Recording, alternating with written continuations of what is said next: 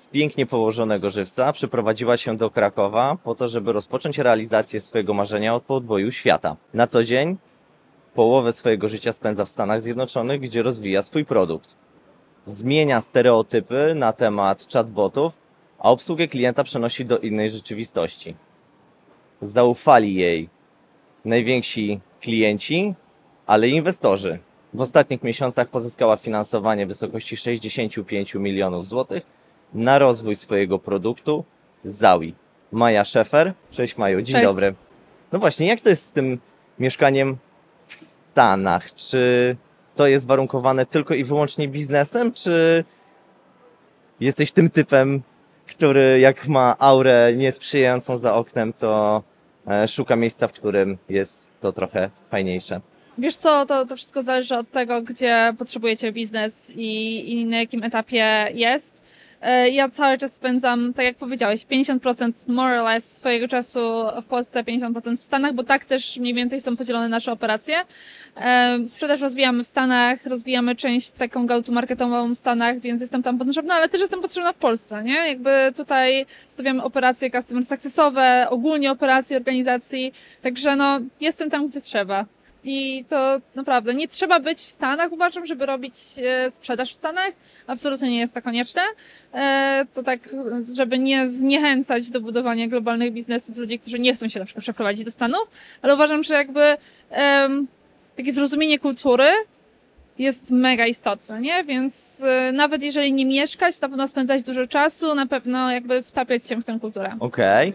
Podbijając ten rynek Stanów Zjednoczonych, tworząc globalną organizację, budujecie tam zespół.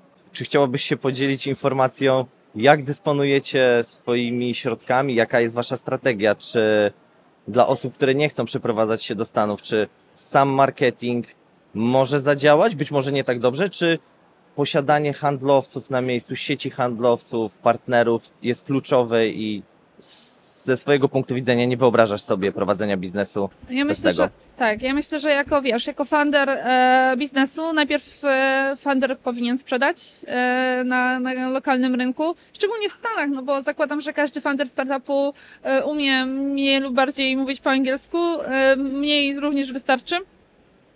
E, I bez tego pierwszego kroku tej wiedzy, tego doświadczenia, kiedy sprzedasz do pierwszych dwóch, trzech, pięciu klientów w Stanach, ciężko będzie zatrudnić odpowiednie osoby, bo nie będziesz wiedzieć, e, kogo szukasz po prostu, jaki typ człowieka, jak go nauczyć, jak przekazać tę wiedzę. Więc e, czy, potrzeba jest, czy potrzeba handlowców w Stanach? Uważam, że at the end of the day potrzeba.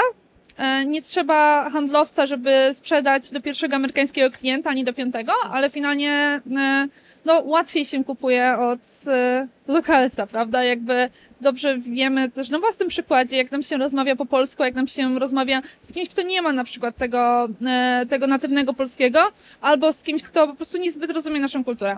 Więc w ten sposób. A marketing? Zależy. Marketing da się też zrobić z Polski. Kiedy zdecydowaliście się na to, żeby zamienić wasz software house w firmę produktową, żeby odejść od innych zleceń i skupić się tylko i wyłącznie na tym? Czy to był ten moment, kiedy odważnie, za co naprawdę podziwiam, poszliście na spotkanie z Rafałem Brzoską i w trzy tygodnie wywiązaliście się z deklaracji, które przedstawiliście podczas tego spotkania? Czy to był ten moment, czy jakiś inny? się przygotowałeś.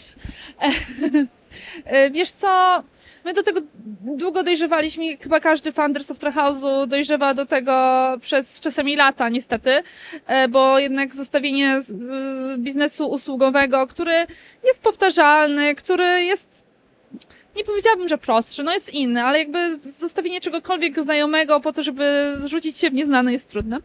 E, więc my tą decyzję podjęliśmy dopiero, kiedy mieliśmy pierwszych klientów e, na produkt. Czyli najpierw zbudowaliśmy produkt, em, najpierw był klient, tak jak sam wspomniałeś, InPost, potem zbudowaliśmy, e, potem zbudowaliśmy produkt, e, zebraliśmy, pozyskaliśmy kolejnych klientów, wtedy po- podjęliśmy decyzję, że jedno z nas absolutnie odcina się od Software House'u, e, jest nas dwójka founderów e, i skupia się na rozwoju produktu.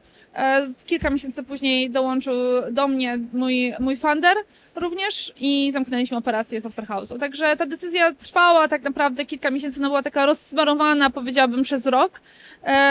I tak uważam, że za późno podjęta. E, Także jeżeli ktoś stoi przed takim wyzwaniem, to polecam. Dobra zabawa jest w produkt.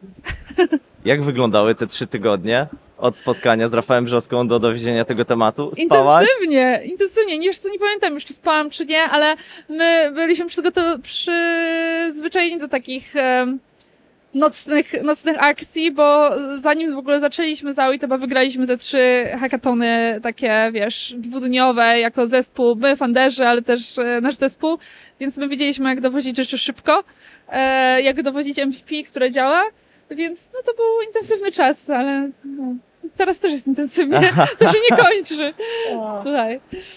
Wspomniałaś wielokrotnie tutaj e, słowo klucz dla każdego sukcesu projektu, w mojej opinii, zespół. W jednym z wywiadów powiedziałaś o tym, że wydaje się tobie, że kluczowe do przekonania pierwszego inwestora do podpisania umowy był zespół. To jaki jest, e, jaki stworzyliście. Jak stworzyliście produktywny, zaangażowany zespół? Zakładam na początku, nie mając dużych środków, e, mając tak naprawdę dużą wizję. Czy to była kwestia e, dobrych ludzi, e, branżowo, tematycznie, waszych znajomych, e, którzy mieli kolejnych znajomych, czy było coś jeszcze? Odpowiedziałeś sobie na to pytanie chyba. E, wizja, nie? W sensie ludzie chcą robić fajne rzeczy, w cudzysłowie.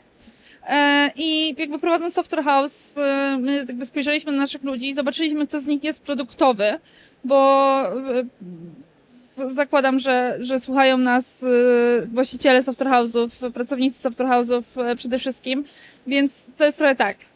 Ludzie, programiści dzielą się na dwa typy. Bardzo duże uproszczenie. Produktowi i software house'owi. Tacy, którzy lubią skakać z projektu na projekt, po prostu zmieniać e, projekty jak rękawiczki. To jest spoko, to jest świetne w software house'ie. Ale są tacy, którzy kochają pracować nad jedną rzeczą, dopieszczać ją, sprawiać, że ona jest super i mają satysfakcję z tego, że wiesz, że to jest po prostu, że gdzieś to tam jest, ktoś z tego korzysta, jest to successful.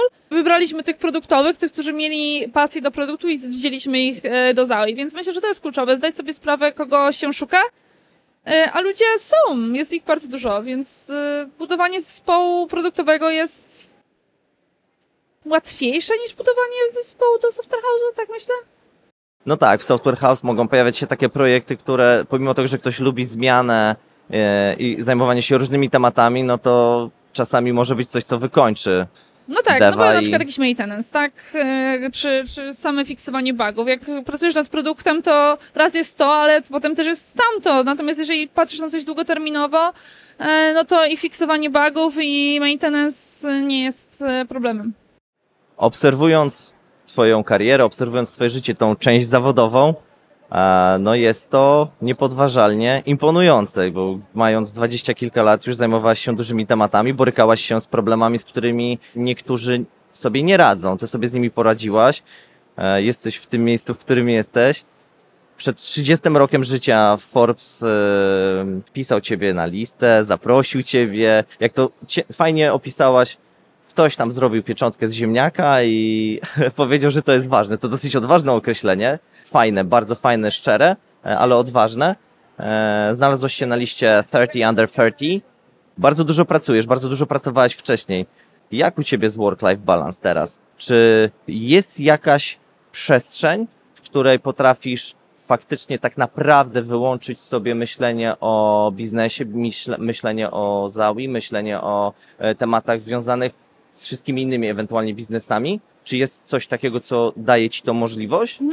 Wiesz co, ja nie, nie wyznaję work-life balance. Znaczy, każdy robi, robi oczywiście jak uważa i żyje tak jak chce. Dla mnie to jest blend, tak? To znaczy ja blenduję y, y, life z, z work i to mi po prostu najbardziej odpowiada. Ja lubię to, co robię, e, więc sprawia mi to przyjemność y, i nie mam problemu z tym, że dużo pracuję. Natomiast oczywiście, no, jakby odpocząć trzeba i trzeba też spojrzeć na swój biznes y, z lotu ptaka, powiedziałabym. Więc ja na przykład staram się przynajmniej jeden dzień y, w tygodniu faktycznie pracować, y, nie patrzeć na komputer, y, obcować z naturą, że tak powiem. I to są takie bardzo proste rzeczy, jak spacer, jak e, siłownia, jak e, bieganie. To są takie rzeczy, które mi dają dużo po prostu perspektywy i fanu. Czy jest jakieś miejsce, jakiś e, cel, jakiś moment, który w tym momencie już masz ułożony sobie w głowie, do którego dążysz albo wiesz, że dojdziesz, już będąc w tym miejscu, w którym jesteś, który zrobi tobie exit, który powie, dobra, dość, jakby zajmuję się teraz, robię dalej biznes, bo sprawia mi to fan, ale zajmuję się w dużo mniejszym wymiarze tym, będę robiła coś innego. Ja nie sądzę, że po pierwsze, że ja się nadaję na retirement jakikolwiek. ja lubię pracować, więc y, dla mnie taka perspektywa gdzieś tam, wiesz, odejścia i, i patrzenia na biznes z boku to jest, to jest średnia. Znaczy, jak mówię praktycznie w każdym wywiadzie, jeżeli ktoś mnie o to pyta, e, czy wyobrażam sobie nie być CEO ZAO i tak wyobrażam sobie, to znaczy, kiedy nie będę wystarczająco dla tej organizacji, będę jej bardziej przeszkadzać niż pomagać, e, to oczywiście jestem absolutnie gotowa i otwarta na to, żeby znaleźć profesjonalnego prezesa. E, Natomiast póki co myślę, że, że jestem całkiem okej w tej funkcji, którą pełnię. Jeżeli chodzi o exit, no to wiesz, no w naszym modelu VC-Back to jest dość proste i, i przewidywalne. Znaczy, my powinniśmy wyjść e, na giełdę lub mniej ulubiona e, wersja sprzedać się e, do jakiegoś większego gracza. E, Natomiast do tego jeszcze, jeszcze sporo, sporo czasu, tak? To znaczy, mnie małe rozwiązania, półśrodki nie interesują. Budujemy coś dużego i mamy na to po prostu market opportunity, które wykorzystujemy krok po kroku. Bardzo mocno kibicuję i trzymam kciuki za realizację w tej części zawodowej. Dziękuję za rozmowę, Maju. Dzięki.